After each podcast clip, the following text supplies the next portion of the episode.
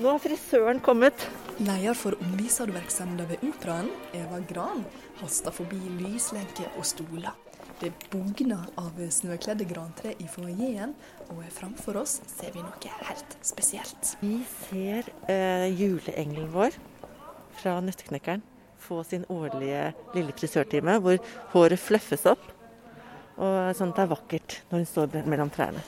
Ved sida av Engelen står leder for parykk- og maskøravdelinga, Per Ragnar Karlsen, med ei saks. Har det vokst mye siden i fjor?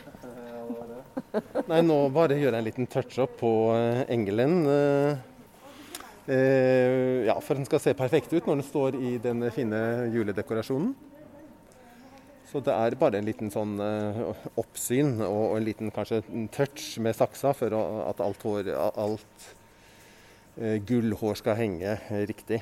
Hva slags type hår er det hun har, egentlig? det er en, en gull fiber, altså plast, eh, rett og slett. Eh, men det er også hår som vi kan blande inn i van, mikse med vanlig hår, altså hvis vi skulle ha ønsket det. Men nå er det ren og skjær plastikkfiber.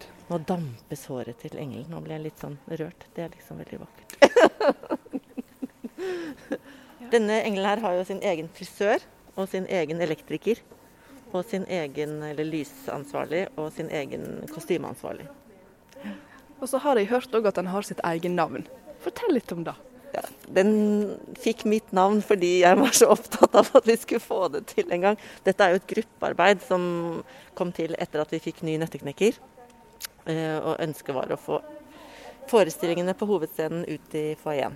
At vi skulle kunne ha en teaser, på en måte. At man, at man, skal lage noen gode tradisjoner. At når man kommer hit i førjulstiden, så skal man se igjen engelen fra Nøtteknekkeren. Ja. Så da var det et gruppearbeid, og veldig mange som bidro for at den skulle måtte, Det måtte lage sin egen versjon, da. Nei, og så fikk hun navnet mitt, siden jeg var den som ønsket meg henne mest til jul. det var det. Mm. Hva syns du om det, da? Og jeg syns det er kjempefint, og jeg elsker å gå på Instagram og søke på eh, Jul og se på alle som tar bilde foran engelen.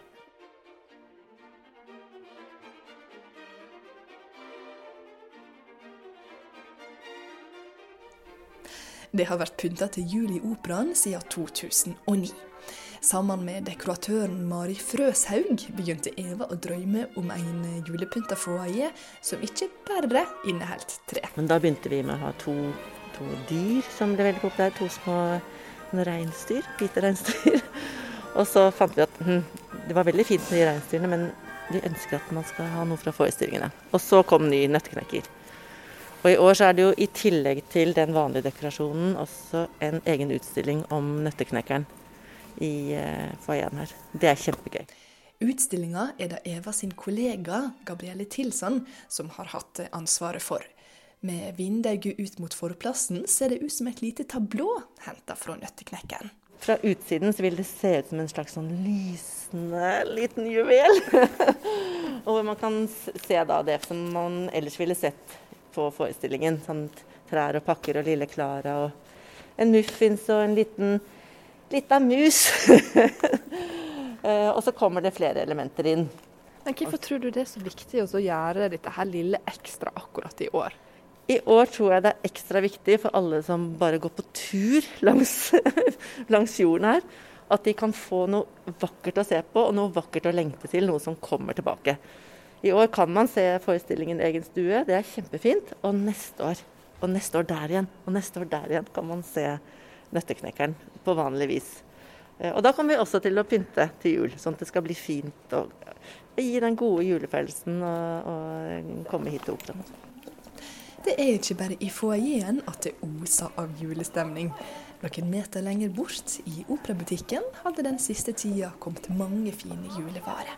Vi har jo disse, disse fine adventskalenderne. De er jo veldig populære. Kjempefine. 3D. Kan slå ut bevegelige ballerinaer. De har vært en innertie hvert eneste år.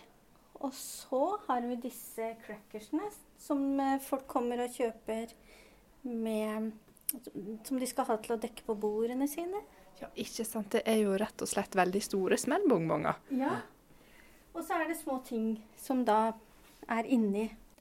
Salgsansvarlig i operabutikken, Inis Merete Lakso, går fra hylle til hylle i butikken og viser fram vare. Vi vi har både viskelær, små lommespeil, eh, blyanter med pussegummi, linjaler, kort. Og ikke minst disse her eh, små ballettskoene som brukes som nøkkelhengere. De, er helt identiske med ballettskoene til danserne. Lagd på samme fabrikk, på Fritz. Så ser jeg òg at vi har noe bak her. Hva er dette for noe? Det er Rørospledd. Det som er nytt nå, er at vi har fått en del logoprodukter med, med den fine logoen vår. Og da har vi også fått lagd et uh, Rørospledd med den logoen. Fantastisk kvalitet. Det samme er det også med sånne notatbøker, som også er en del av den nye logoproduktkolleksjonen vår. Og så kan du òg få kjøpt ei gave som du kan ta i bruk når covid-19 er over. Gavekort da er alltid i butikken tilgjengelig, og du kan også kjøpe billetter. Du kan kjøpe omvisning. Og disse gavekortene varer jo tre år, så du kan jo til og med kjøpe når det blir tilgjengelige forestillinger igjen, så kan du bruke det gavekortet. Litt lenger borte skal engelen Eva straks løftes opp på plassen sin i grandekorasjonen. Jeg er spent. Jeg syns, jeg syns dette oppriktig er veldig stas. og så syns jeg det er veldig veldig gøy å jobbe på tvers. At jeg får jobbe med kollegaer fra hele huset.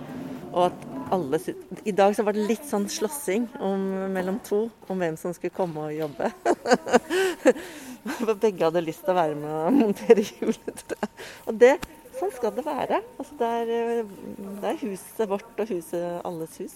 Det er jo ikke så rart, det. Man blir jo i utrolig godt humør av å bare komme inn hit. Det er jo en katedral. Altså, dette, det er den fineste foajeen som fins. Altså sånn rolig liksom Både hyggelig og majestetisk og sånn lysvidunderlig. Så jeg synes det er kjempefint.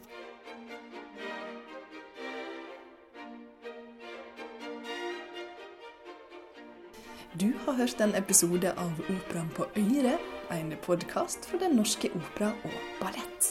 Jeg heter Camilla Yndestad.